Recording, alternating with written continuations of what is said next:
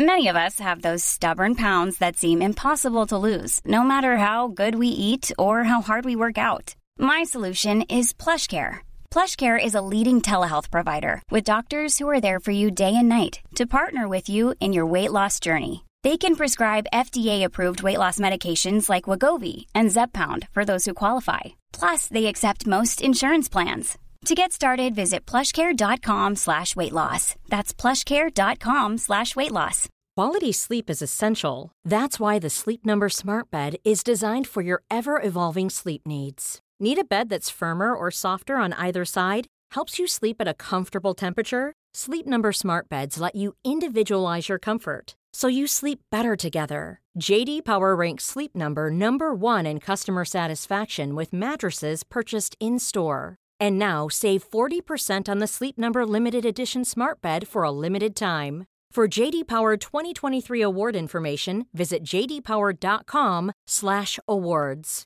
Only at Sleep Number stores or sleepnumber.com.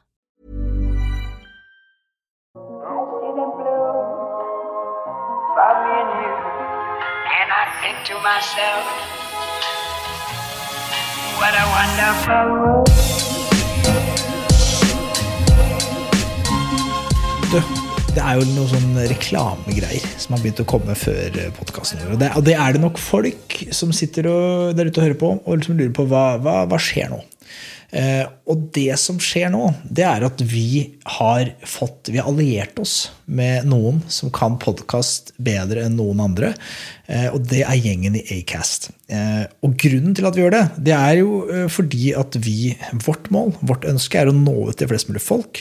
Vi driver en kiosk med litt ulike ting vi har lyst til å holde på med, og er nok dessverre ikke best på noen av de tingene. Så vi er da til til enhver tid avhengig av å alliere oss med folk som er flinkere enn oss. Eh, Og det har vi gjort nå med Acast. Eh, Så da vil det bli litt grann reklame eh, innimellom. Men eh, det skal ikke være til noe som er plagsomt. Det skal være relevant for de som hører på, og det skal, eh, det skal bare være kos. Eh, Og hvis ikke det er det, så må dere si ifra til oss. For at det er til syvende og sist det, det, det, vi er opptatt av at folk skal være fornøyd og, og treffe flere folk. Så da, da gjør vi det åpenbart noe feil hvis det blir til bry. Men det skal det ikke være. Altså. Så, så det er eneste grunn til det. Så det, det er ikke noe mer, det er ikke noe, det er ikke noe frykt. da. Altså er det jo ålreit for oss å leke med folk som er ganske mye bedre enn oss. Vi lærer jo Veldig litt. enn oss. Vi lærer jo litt av folk som er drita dyktige. Vi må være ærlige nok å si det. At vi er to skolegutter med capsen bak fram og, som er forholdsvis våte bak øra innenfor podkast. Og ja, generelt, egentlig, i livet. Generelt, Så vi, vi, bare, vi bare lærer. Vi kommer til verket med ydmyk holdning, men eh, med ståltro på eget produkt, og så får vi se. Ja. Så får vi se. da. Nei, men det var ikke noe mer enn det. Så snurr padda. Nei, så ser du at jeg har blitt litt brunere i det bleike fjeset. Ja, Så spør jeg deg om du spør meg om jeg ser at du har vært ute i påsken. Ja, jeg prøver å snikskryte litt, da, vet du. Ja, det er det liksom. Ja, ja, det er det. Er, tror du at du er den eneste som liksom kom hjem fra påsken og så Ja, nei, jeg har jo Tro det eller ei, da, men så satt jeg litt i solveggen, da, vet du. Nei, så det ser du kanskje litt på meg. Det, uh, du, du ser nydelig ut, Hanso. Du er i kategorien ser uh, bra ut langt ifra, men langt ifra bra ut. Ja, men det holder. Det holder for meg. Jeg, jeg tar, det tar jeg med strak arm. Altså, det tar jeg med åpne armer. Jeg tuller med deg. Altså, Du ser eh, nydelig ut der du sitter. Har du hatt en god påske? Ja, den har vært eh, fin. Fått eh, vært på hytta litt. Og det, og det her, jeg må innrømme det at det været som viste seg å være For det var sen påske i år. Det er alltid et sånn risikomoment, fordi jeg er glad i to ting. Jeg er glad i varme, sol, og, men jeg er også glad i å gå på ski. Og det er klart, De to tingene har en tendens til å ikke gå så godt sammen. Men så fins det et slags det et optimalt tidspunkt eh, på året. det er, det, er ikke, det er ikke mange dagene hvor man treffer den blinken hvor du kan gå i shorts og T-skjorte på ski. Og noen ganger så treffer påsken akkurat på tidspunktet. I år var en sånn påske. En slags perfekt storm av sol, eh, varmegrader, men nattefrost. Eh, slik at snøen fortsatt holder seg. Da. Og, og, det er jo ikke noe, det noe føre å sette ny rekord noen som helst sted. Men eh, min tid, i den grad den noen gang har vært, eh, må drive og sette rekorder, den er forbi. Så um, ja, jeg trives. Ja, det er fint. Det er jo um, Hvis du er interessert i det type føre og rekord, da, så kan jeg jo anbefale Sognefjellshytta. Eh, hvert, år- hvert år ikke sant, så ligger jo da landslagene, og, og veldig mange andre for så vidt også, og, og trener på snø, sommersnø, på Sognefjellshytta. Strynefjellet er det, og uh, det er et par andre steder også. Men da bruker de salt. Ok. Slik at løypene blir knallharde. Så så lenge det er liksom uh, ikke er nedbør og, og en viss litt kaldt på natta, så blir det så raskt føre, så knallhardt. Og så får du det shorts, shortsværet som du prater om, da. Og da er det, mm, da er det ganske hyggelig å være skiløper, faktisk. Men hva, for det, dette blir veldig sånn eh, Det blir en form for det er jo fysikk, kjemi. Hva er greia med salt? For det hører jeg, altså, jeg minner meg at jeg jatter med når folk snakker om sånn, ja, nå har de salta løypene. Så, så ta, går jeg den Oi, ikke sant? Oi, har de det? Og så, Jeg har ingen anelse hva det innebærer. Null anelse. Nei, jeg har ikke det heller. Eh, altså, eh, det finnes jo ulike typer salt, har jeg skjønt. Eh, og, og et type salt er veldig bra for å gjøre det hardt. Eh, et annet type salt er jo veldig bra for å få snøen til å smelte. Det er den type salt du bruker på veiene.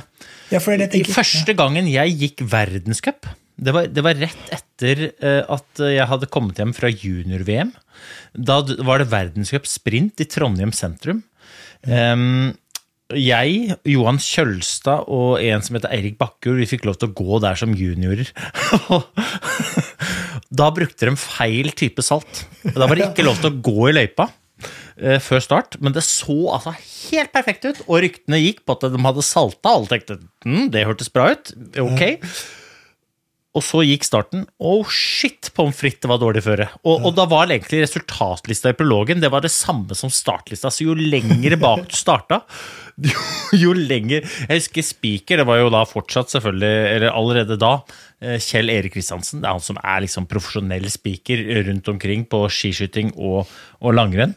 Og han hausa da altså opp eh, Johan Kjølstad, som da hadde blitt juniorverdensmester, foran hjemmepublikum. Nå starter snart denne unge, lovende, lokale juniorverdensmesteren, og der går han ut, og her kommer han inn og krysser målstrikken akkurat der, til en veldig dårlig tid. For vi starta helt nede i bånn der. Jeg lurer på om vi var sånn typ 40 sekunder bak eller, prologen. Det går ikke an. jo, jo. Jeg hadde Nei, kommet raskere enn det- Eh, nå må du være forsiktig med hva du sier. Eh, Det kommer jo an på fiskpunktene dine. selvfølgelig. Hvis du hadde starta før oss, hadde du slått oss. Men eh, Det året. du er ikke sikker du har fiskpunktene dine i orden.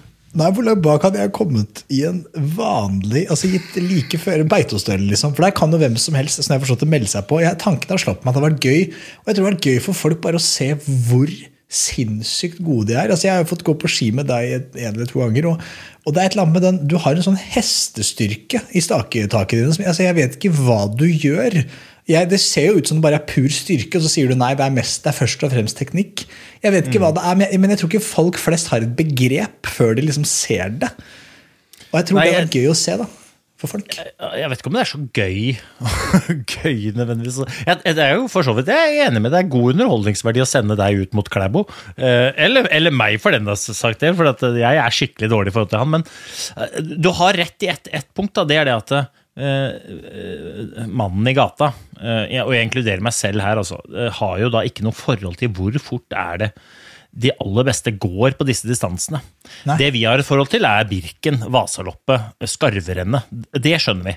For det har vi et forhold til, men det, det er nesten enda mer ekstremt på en sprint. vet du. Eller på en, e- eller på en 15 km.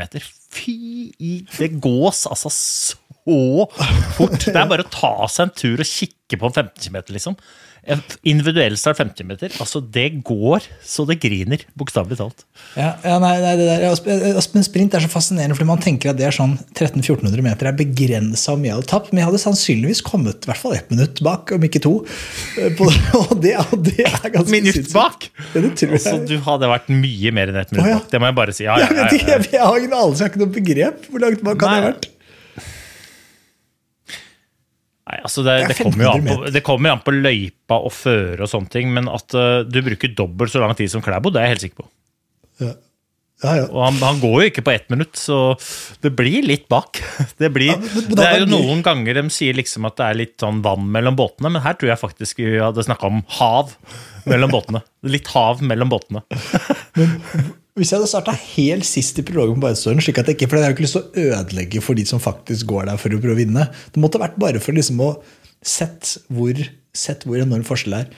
Liksom, for jeg, er gans, jeg, jeg tror jeg er ganske sånn jeg tror jeg ligger på akkurat vet, en Gauss-kurve i matematikken. Som er da på Nei. toppen der flest ligger. Nei, det er, altså, halene, Klæbo er en typisk hale. Han er helt ytterst på den ene halen. Det er, veld, det er ingen andre som han. Han er alene der ute. Og så beveger man seg i midten, og så er det veldig mange her. Og så er den andre halen, der er det folk som på en måte er eksepsjonelt. Det fins en som er verdens dårligste til å gå sprintprolog. I Et eller annet sted i verden finner man vedkommende. Har sannsynligvis noe handikap og går aller seinest. ikke sant? Jeg tror jeg befinner meg ganske sånn på toppen av den folk flest-kurva. Altså Jeg er sånn, I Norge i hvert fall. da. Jeg er, sånn, jeg er ikke noe god på ski, men jeg har gått en del på ski da jeg var liten. Jeg er ikke noe så spesielt god form, men det er i helt ok form. Jeg er liksom kanskje, Hvis jeg skal være snill med meg selv, litt over her på den, på den Gaus-kurven. Så jeg tror jeg hadde vært en god representant for folket. Det er det jeg prøver å ydmykt si. Jeg, jeg vil i hvert fall gi deg større sjanse eh, for å padle Glomma i kano med en pariserloff. Enn å komme under ett minutt bak Klæbo i, i, i en sprintprolog. Det må jeg bare si. Ja, men det er greit. Det er greit. Jeg, vet ikke om, jeg tror ikke det er en challenge. her, For jeg, jeg, har, jeg har ingen begrep. Jeg, altså, det er helt umulig for meg å liksom mene noe. Jeg, bare- tenker sånn, Det er 1500 meter. Hvor mye kan man altså Jeg skjønner at jeg blir gått fullstendig fra, men så kan det være så enormt. Men ja, tydeligvis. Ja, men, men dette var jo litt sånn, husker ikke når vi snakket om I fjor så drev vi løp sånn 3000 meter challenge, du og jeg. Jazza opp, ikke sant? Det var jo starten av mai i fjor. og og da husker jeg, altså jeg var altså så fornøyd med min egen løping. Jeg løp på 9,31, spurta hele veien. Og så gikk det opp for meg at jeg hadde blitt tatt igjen med to runder av Jakob Ingebrigtsen. To runder! Han slår meg med liksom Han kan vanne ut pinnekjøttet før jeg kommer spurtende i mål med joggeskoa mine, liksom. Det det er- helt tullete. Og, da, og når jeg da slår deg med litt eh, Over to minutter. Ja, li- ja, ja. Men det var sånn jeg tenkte at det, forskjellen mellom deg og meg er lik som mellom meg og Jakob. Og jeg vet jo, uten at jeg skal fortelle det til deg nå, hva jeg tenkte om din tid. Så da tenker jeg sånn Det tenker han om min tid! Men Tenk deg da hva Jakob Ingebrigtsen tenker om min tid. Altså det her, det, han tenker ikke engang. Han har det ikke Ja, på fatt- ikke. Utenfor fatteevne. Han tenker du løp 5000 meter, han, vet du. Du hadde jo bare vært et minutt bak han på 5000 meter. Ja, imponerende, den langbeinte fyren der. Han må jo virkelig ha et uslepent talent. Nei, men, men det, er, det er fascinerende, det derre hvor øh, øh, For det, det har man veldig ofte ikke noe begrep på hvor, hvor Og det gjelder jo alle mulige ting. altså Sjakk, Magnus Carlsen altså Bare hvor sinnssyke verdensenere er på ting. Og det fins verdensenere i alt. altså Det fins verdensenere i å spise pølser. ikke sant? Og, og når man ser det, for det har alle et forhold til, alle har spist pølser, så man ser en pølsespisekonkurranse og ser en person gampe nedpå 400-500 pølser på, på 10-15 minutter, så er det unektelig på et, eller annet perverst vis imponerende. Ja, men der er man jo inne litt på, litt på Kanskje på kjernen i, i dagens episode, sånn egentlig, da. Fordi at det, de er jo sinnssykt gode i det de holder på med. Men så holder de på med sinnssykt mye av akkurat det også. Og det er det ikke så mange som kan si at de gjør, uansett hva det er de holder på med. At de holder på med noe sinnssykt mye for å bli bedre i noe. Altså, jeg tror det er veldig mange som holder på med mye. Men jeg tror ikke det er så mange som virkelig holder på med noe masse for å bli bedre i noe, og som aktivt står opp hver morgen og prøver å bli bedre. Det veldig, veldig, veldig mange gjør, er å stå opp hver dag og bare kanskje vedlikeholde. Og, og da ser vi på det, uansett om det er pølsespising, eller om det er Magnus Carlsen, eller om det er det ene eller andre, og så tenker vi fy faen, så gode dere er. Men det er ikke sånn at de, de er jo ikke født så gode. De har bare blitt så gode fordi de har gjort det som skal til for å bli så sjukt gode. De har gjort det så mange ganger at nivået bare stiger og stiger og stiger, da, inntil et visst nivå, selvfølgelig. Men, men her er jo liksom skjæringspunktet mellom mannen i gata, da, hvis man skal generalisere mannen i gata, og de der verdensscenerne som du prater om. Men så faktisk gjøre det som skal til for å bli så jævlig gode. Ja, for det vi liksom eh, må gjøre Nå er det jo påskeferien er over. Eh, det har gått eh, snart fire hele måneder siden nyttårsforsettene ble, skulle iverksettes. Eh, og jeg tror det er mange som kjører hjem fra påskefjellet med en dårlig samvittighet. Ikke bare for det spisegildet eh, de har hatt, eh, og det alkoholgildet kanskje mange har hatt i løpet av påsken, som de nå må revurdere inn mot sommeren. Men også det at de, de, hvis de tenker seg om, så vet de kanskje at man har synda litt på det man påsto at man ønska å oppnå eh, 1.1. Så det vet, det vet jo ikke jeg, men erfaringsmessig så vet jeg at det er veldig veldig, veldig mange sånne nyttårsforsetter strander ganske tidlig. Eh, og så kan vi jo diskutere hvorfor, men jeg tror at mange kan kjenne seg igjen i at disse nyttårsforsettene i hvert fall strander. Eh, og så vet jeg at de som du refererte til, da, som om enten det er løping eller staking eller det ene eller det andre, de gjennomfører. Liksom, det, det er bare det De gjør. Og det er ikke snakk om å prøve å bli bedre til å løpe. Det er ikke snakk om å prøve, det er snakk om å gjøre. Og, og her er det jo liksom og, så jeg tenker sånn, det er, fin, det er egentlig en fin tid å ta opp de der nyttårsforsettene nå igjen, fordi at det nå våkner verden litt i liv rundt oss. da. Snøen smelter, eh, blomstene spirer og gror, eh, pollen kommer snikende. Alt blir liksom, alt blir vekt i live på nytt igjen. Kanskje man skal sette seg ned og si faen, hva var de der nyttårsforsettene? For veldig mange har sikkert glemt det da. Til og med. De har til og med glemt de. Kanskje man skal sette seg ned og si faen, hva var det jeg var enig om at jeg hadde så jævlig lyst til å få til? Og så kanskje begynne å gjøre det.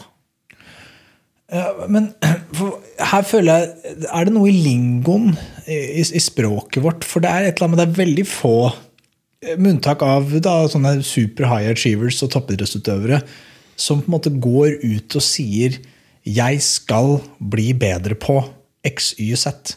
Når Martin Onsrud Sundby, eh, som brukte brukt eksempel av venn av podkasten, han var jo verdens beste klassiskløper i langrenn. Og så husker jeg at det var en eller annen, eh, en eller annen vår hvor han sa at 'jeg er for dårlig til å skøyte', og jeg skal bli verdens beste til å skøyte'. Som, som, eh, og så går det da et halvår eller et år, eller hva det gikk, og så var han plutselig verdens beste til å skøyte. Men det er, sånn, det er noe skummelt med å gå og si det. da. For det han, det han, Jeg vet ikke om han tenkte på det, men, men han visste jo at han, det i hvert fall sitter fem millioner hvert fall, nordmenn da, og kanskje svensker og interesserte som da vil holde han til det. Ja, men var ikke du ute? Og Hvis han da var dårlig, da, si han bomma på treninga eller han gjorde noe feil, så sto det liksom et kor klare til å si ha-ha-ha, du gikk og sa du skulle være best å skøyte, men du er jo fortsatt like dårlig. Eh, er, det, er det frykt som liksom gjør at vi heller da velger å si jeg tenkte å prøve. Jeg burde egentlig. Jeg burde egentlig, er sånn, Burding er jo noe vi, vi driver jævlig mye med føler jeg i Norge. Jeg, jeg burde jo gå ned litt i vekt, eller jeg burde jo trene litt mer. Jeg burde spise litt sunnere. Burde Ja, finne en annen jobb. Eller enda verre, jeg kunne ha blitt. Det syns jeg er enda verre. Eh, Men, men jeg tror altså det er jo mange, Da er man jo liksom inne på hvorfor er det så jævlig krevende. Jeg, det, jeg tror det er mange faktorer. Um, e- Det ene er jo liksom selve dørstokkmila. Den derre- og det kan være frykten som jeg har snakka om før, eller det kan være forfengeligheten som ligger i at du, hvis du går ut og sier noe, så vil folk, som du, akkurat som du sier, holde deg ansvarlig for det. Eh, Og hvis du da ikke klarer det, så vil du sannsynligvis få høre det eh, i ettertid. Og så kan det være andre ting. Det kan være kultur, og det kan være vedtatte sannheter, det kan være vaner, eller det kan være det ene eller andre. Men så tror jeg òg eh, at, at noe ligger på på dette tidsbegrepet vårt. Altså, vi, vi tenker at vi har så god tid. Vi tenker det er ikke så farlig. Jeg, jeg gjør den neste år, eller jeg tar det til uka, eller om to uker er det bedre tid. Jeg venter til det passer helt perfekt, eller jeg venter på ditt eller. Og så Altså, det vil aldri passe perfekt. Eh, Du må bare bestemme deg for at muligheten for å drive med utvikling, den er der hele tiden. Men veldig, veldig, veldig mange venter helt til de blir tvunget til det, og da kan det til og med være for seint. Uh, jeg, jeg selv kan jo fortelle det, fordi jeg, jeg holdt jo på å bruke opp tiden min. Uh, I fjor i oktober så holdt jeg på å bruke opp tida mi. Uh, det er veldig dumt å ligge i et sånt helikopter og angre på at ikke du tok muligheten når du hadde den. Og så tenke at hvis jeg får muligheten igjen, skal jeg gjøre det. Men det er ikke sikkert du er så heldig å få den, det, den muligheten. Så, så på en måte dørstokkmila, frykten, eh, forfengeligheten Jeg er helt overbevist om at det henger sammen. Men så har jeg tenkt det siste Jeg, jeg, tror grunnen til at vi syns dette er så jævlig krevende, er fordi samfunnet lærer oss til å reagere. Jeg, jeg, jeg mener i fullt alvor at vi, vi blir født til å agere. Altså bevisste handlinger, bevisst ting, for oss å lære oss noe nytt. Vi, vi, vi prøver hele tiden å utvikle oss. Eh? Ungene lærer seg å gå. Eh, Ingen som forteller dem at de skal begynne å gå, de begynner å gå. De lærer seg å snakke, de lærer seg å kommunisere. Ingen som forteller dem at de skal lære seg å snakke, men de bare aktivt søker informasjonen og prøver hele tiden å bli bedre. Og når de har lært seg å snakke, lært seg å gå, så går de over på sykkel, og så går de over på lesing, og så går de på ditt, og så går de over på datt, og så stiller de spørsmål hele tiden. Men så jo eldre du blir, så slutter du å være aktiv, og så blir du passiv. Ikke sant? Da, blir du, da begynner du bare å reagere på de tingene som du, du blir fortalt at du skal lære. Du setter deg på skolen, så kommer du, setter du deg på skolebenken, så setter du deg der, og så lærer du det som blir presentert. Noen er gode til å lære, andre ikke så gode. Men du blir passiv av det.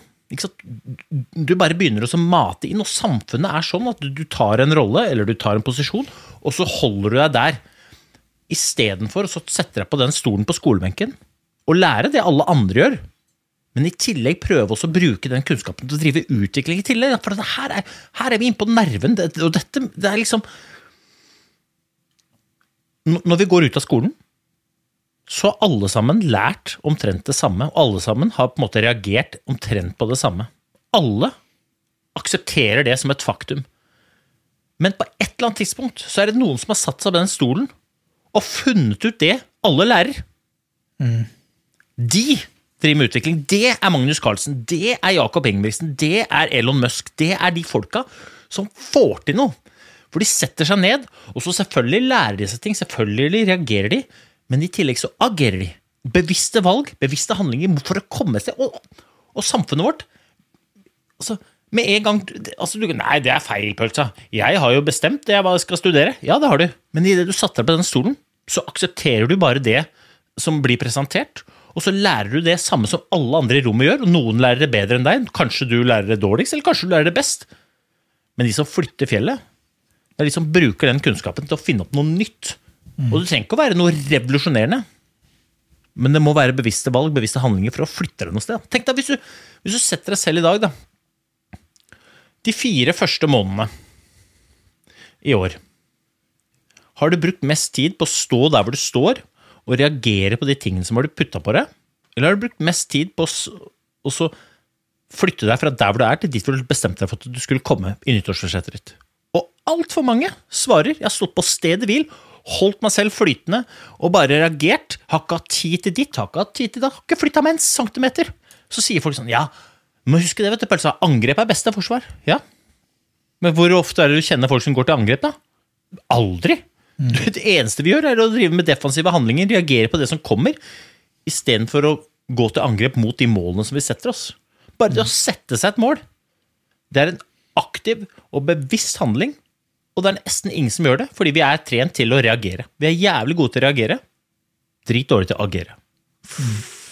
Ja, det var mange, mange ting der. Det, det med, med, jeg, er helt, jeg er helt enig med deg i, i som utgangspunkt. Og så er eksempelet med skole kanskje ikke det beste fordi at jeg tror nok at man må ha et slags sånn eh, Det er sunt at vi har et sånn minstenivå av allmennkunnskap eh, i befolkningen. For at alle kan på en måte ha det samme verdisynet, referansegrunnlaget, og for å på en måte skape et slags sånn grunnivå da, av siviliserte medborgere. Og da tror jeg man er nødt til å tvinge en del folk gjennom en del temas som de kanskje ikke genuint er interessert i.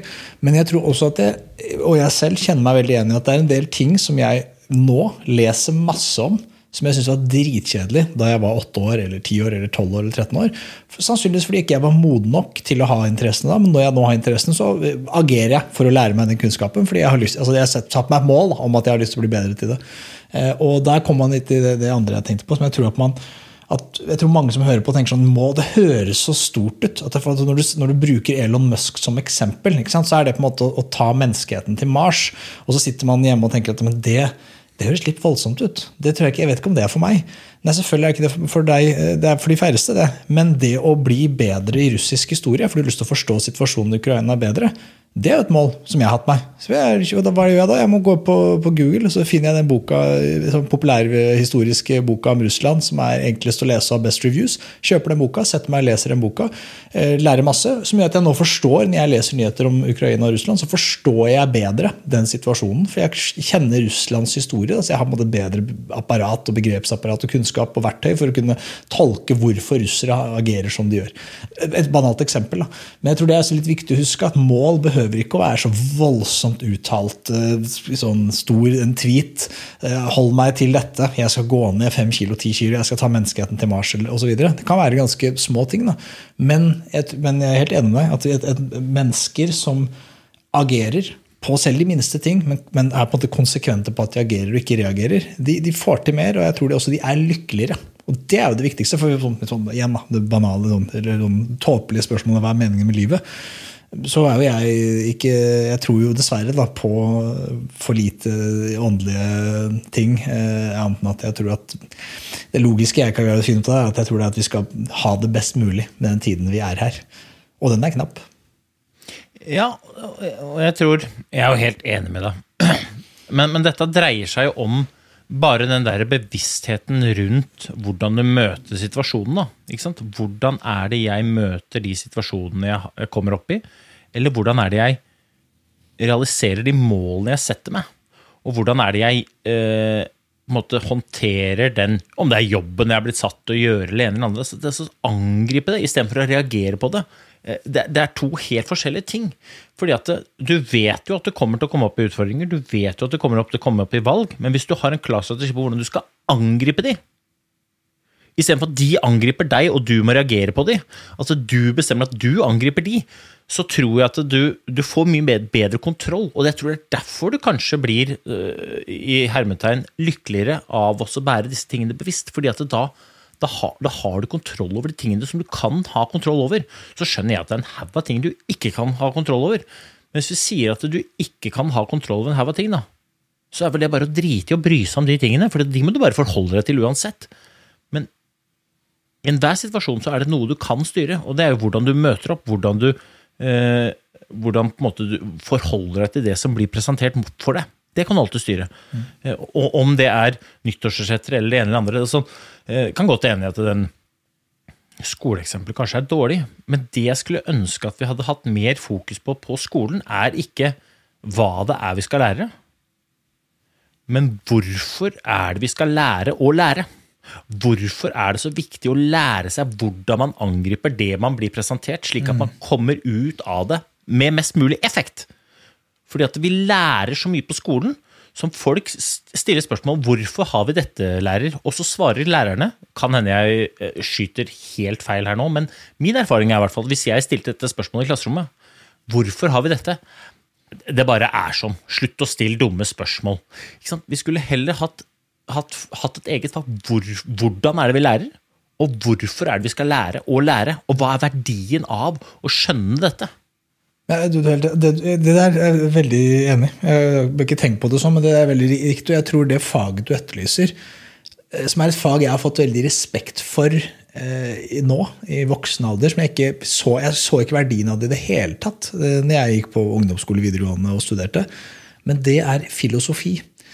For det er jo det du egentlig Det er jo filosofi. Det er, det er å stille spørsmål. Stille spørsmål over ting som Hvorfor er ting som det er? Hvorfor, hvorfor det? Og så, er det veldig sjelden det, det, er, det, er, ikke fasit. Det er ikke ja, nei eller fasitsvar på de spørsmålene. ikke sant? Det er tolkning, og det er diskusjon. Eh, og det er det ikke rom for i skolen. Det har du helt rett for. Rett i. Ikke, og, jeg, og jeg tror ikke lærerne heller, lærerne er heller ikke trent i at det er det at liksom, Jeg tror ikke lærerne heller vet hva de skal svare når spørsmålet kommer. For jeg tror de også er litt usikre.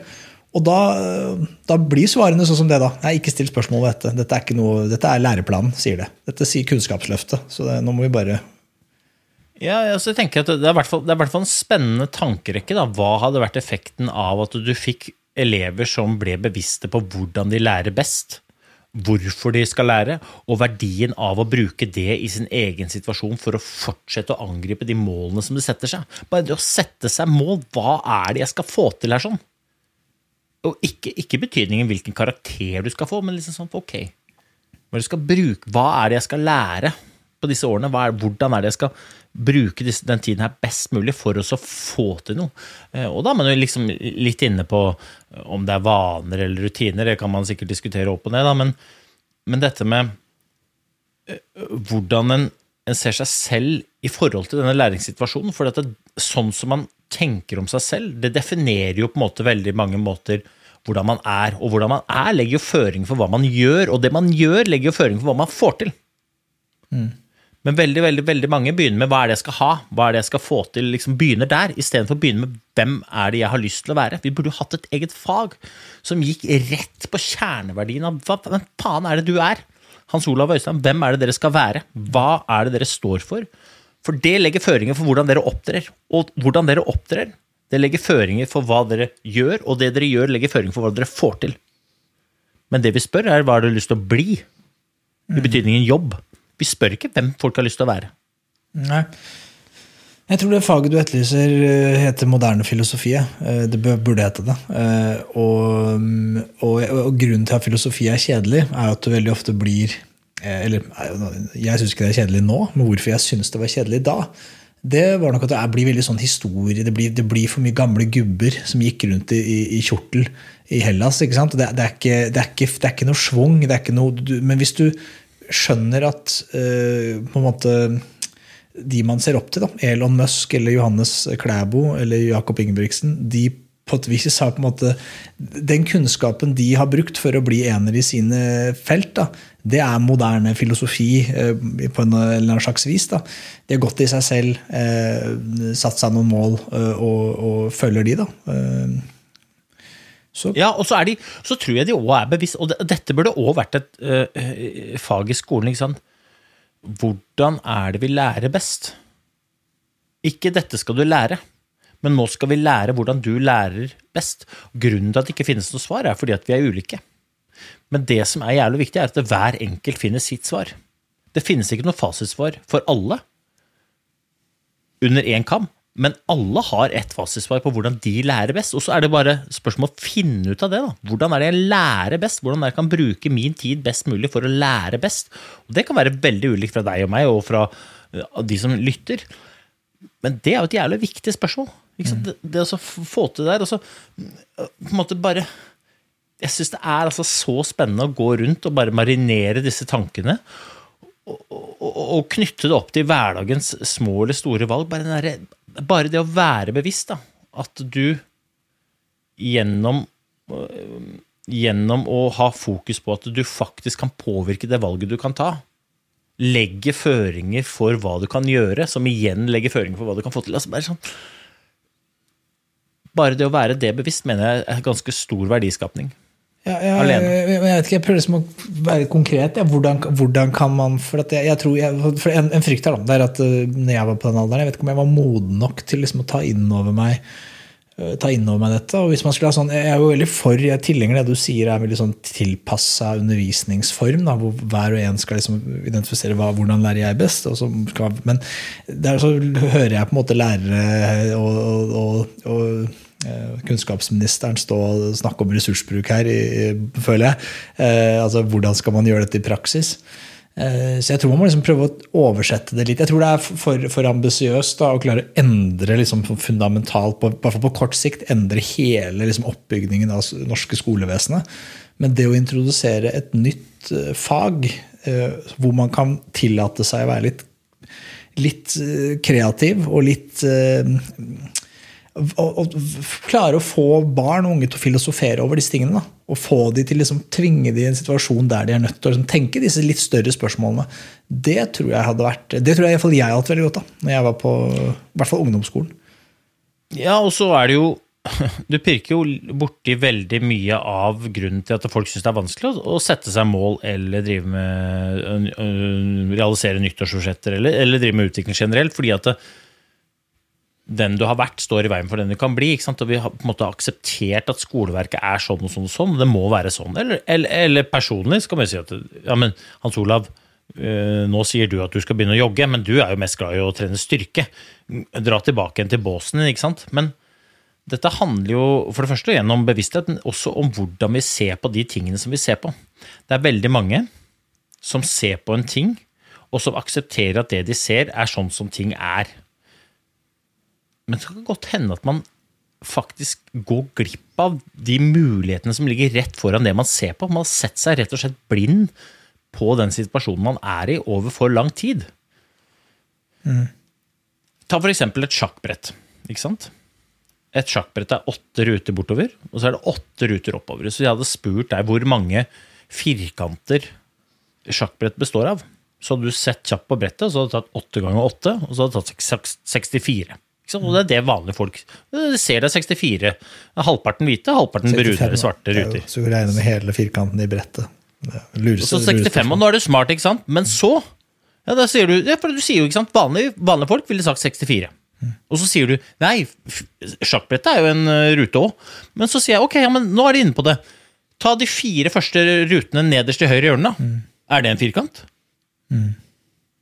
Og så tar du de fire neste ved siden av. Er det en firkant? Ja. Og så begynner du plutselig å se firkanter over hele den der Nå har ikke jeg noe svar på hvor mange firkanter det er i sjakkbrettet. Nok, tenker jeg. Men hvis du ser på den firkanten, og ser på det sjakkbrettet, og begynner å lete etter firkanter, og ikke bare akseptere at det er 64, og så sa jo du pluss 1 av 65, ok, men begynner å se etter de, så begynner du å se sjukt mange ruter.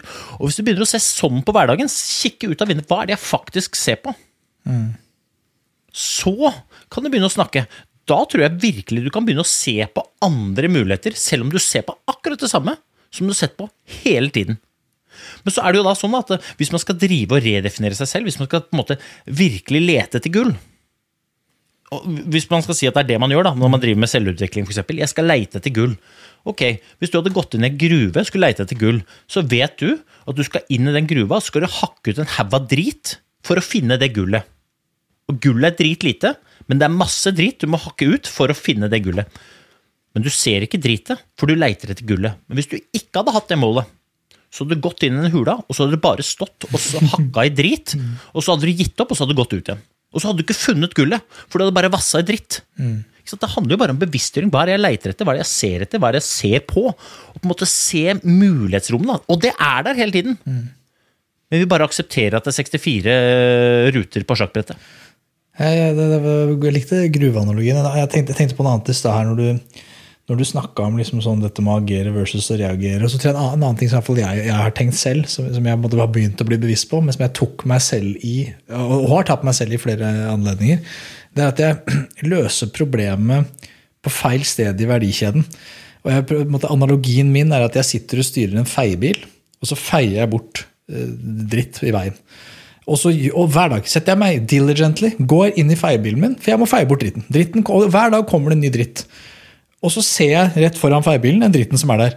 Og så en dag så bare å, hever jeg blikket og så ser jeg at det, der sitter jo en lastebil som bare som lekker. Det er lekker dritt ut av lastebilen som ligger rett foran meg. Så Hvis jeg bare går bort til den lastebilen og så lapper jeg det hølet, så trenger jeg ikke å kjøre feiebil lenger. Jeg er ferdig. Jeg behøver jeg behøver ikke å kjøre. Ikke, altså, men det gjo- gjorde jeg ikke. Altså, og flere ganger så tar jeg meg selv i det at jeg sitter og, jeg, jeg, og har det, å, det er så dritt, jeg må feie den dritten. Jeg må inn i feiebilen hver dag, hver morgen. Men jeg lapper, men så hadde jeg bare heva blikket mitt før. Så, og, og, ofte, og her er jeg tilbake til det jeg mener med det at, uh, at det, det, ofte, det koster ofte mer. Det, er- det er vanskelig. Det, er ofte, det, kan være om det er, om det er liksom en, en konfrontasjon eller det er et eller annet jeg må gjøre. Det er kanskje en annen person da, som eier den der eh, bilen som er lekk. Jeg er nødt til å ta meg bryet med å booke det møtet og ta den praten med han og finne ut hvem som skal betale regninga, forhandle. Det er, det er knotete. Og da, og da er det veldig ofte lettere å ja, jeg bare setter meg i feiebilen og så bare feier jeg. Nest, om neste uke da skal jeg vurdere. Kanskje, lett, kanskje jeg føler det bedre da. å Gå og prate med han som er den der eh, møkkabilen. Og den Det er en nydelig analogi. Ja. Altså Nydelig språklig bilde. Og det der er liksom eh, Det du sier, da, det er det vi er ekspert på. Vi reagerer på symptomet istedenfor å agere på problemet. Vi bare, vi, vi reagerer. 'Oi, her er det søppel, jeg må feie.' For det er det instinktet sier. Det er det vi er opplært til å gjøre. 'Er det søppel', sier du. 'Å ja, men da feier jeg', da. Og så setter jeg meg i en feiebil. 'Å faen, søppel i dag også'. Det sjuke er jo at det kan godt hende at han som sitter i den der lastebilen foran, hans jobb er å fylle opp lastebilen med dritt. Men pga. at det lekker søppel, så vil han aldri fylle opp den der. Han samler søppel hele tiden. Men det lekker hele tiden. Og så sitter du bak og feier, og du er drittlei at du feier, og han foran sitter og faen, hvorfor blir det aldri fullt? Jeg samler, og så er man i gang, da.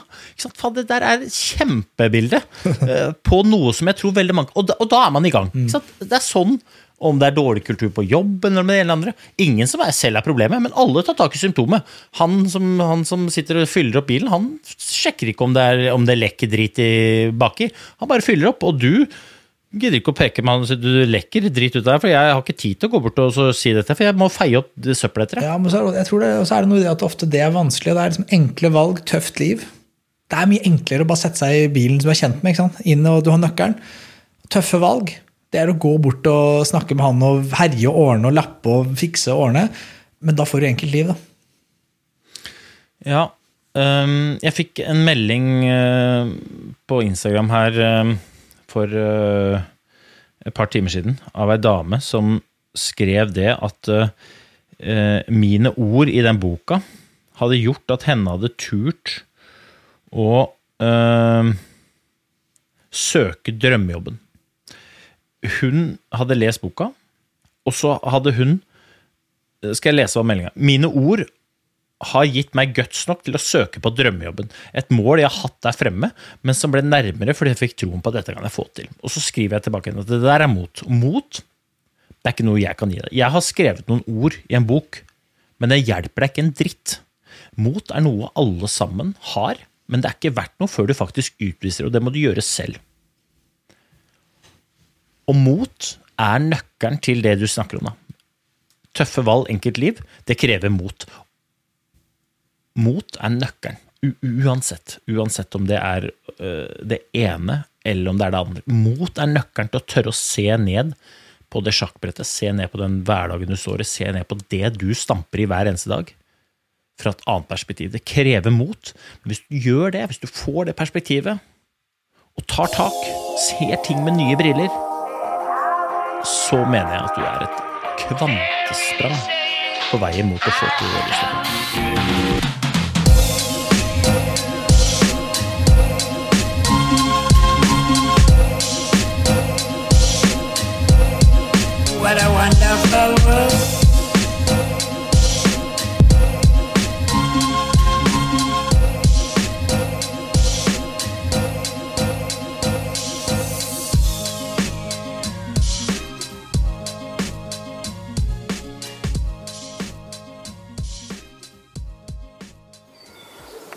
Dager. Her eh, har jeg vært på familiehytta i påsken. ehm, og så tenkte jeg sånn Pokker òg. Pokker òg, nå kommer jeg opp dit, og det er helt sikkert eh, pappa. Han har sikkert glemt at det er Coop-kaffe det skal drikkes. Går jeg inn i skapet, da, står opp tidlig, jeg er ganske tidlig på'n, også i påskeferien. Og så Snikskryt? eh, Ja, rett straight out skryt. og så står jeg og går jeg opp da, i overskapet der vi har kaffen, og der ligger det to pakker med Coops bakserie. En med Kenya, en med Colombia. Ja, ja. Han har hørt på pod, han vet hva det går i, så påsken var redda. Jeg kunne si det samme en gang. Sett påsken på start igjen. Vi kan, vi kan starte påsken opp. Dette blir bra. Ja, faen, men Det er jo litt skuffende, for jeg gikk jo for eh, Coop Blå etter anbefalinger fra deg sist. da Du sa liksom det er Coop Blå som gjelder. Så jeg kjørte Coop Blå jeg, i hytta i Skåbu. Kosa meg max. Altså, jeg kosa meg hver dag. Coop Blå. Og så tenkte jeg Nå blir jeg bedre i ringspill. Jeg drikker Coop Blå, jeg nå blir bedre. Ræva i ringspill! Jeg var så dårlig! Men humøret var godt. Humøret var godt. Men ikke så, noe bedre jeg så det var Det var ei i, i husholdningen der som var ganske god. Ja, altså Ellen, vet du. Eh, Min eh, bedre halvdel. eh, Bedre på alle områder. Også i ringspill, det skal ikke så mye til. Men hun var altså bare sånn Hun bare smekka inn på pallen på det påskerennet vi hadde. Jeg langt nede i sumpa. Som vanlig. Men jeg sto nede i sumpa og drakk Coop. Ikke tenk på det. Ikke tenk. What a wonderful world.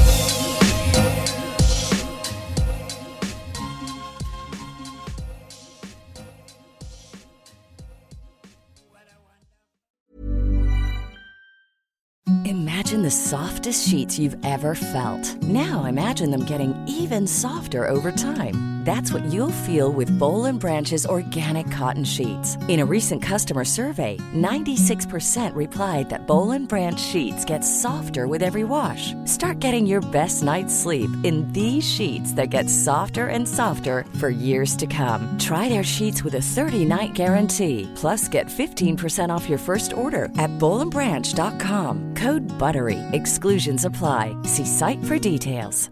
Planning for your next trip? Elevate your travel style with Quince. Quince has all the jet setting essentials you'll want for your next getaway, like European linen, premium luggage options, buttery soft Italian leather bags, and so much more. And is all priced at 50 to 80% less than similar brands. Plus, Quince only works with factories that use safe and ethical manufacturing practices. Pack your bags with high-quality essentials you'll be wearing for vacations to come with Quince. Go to quince.com slash pack for free shipping and 365-day returns.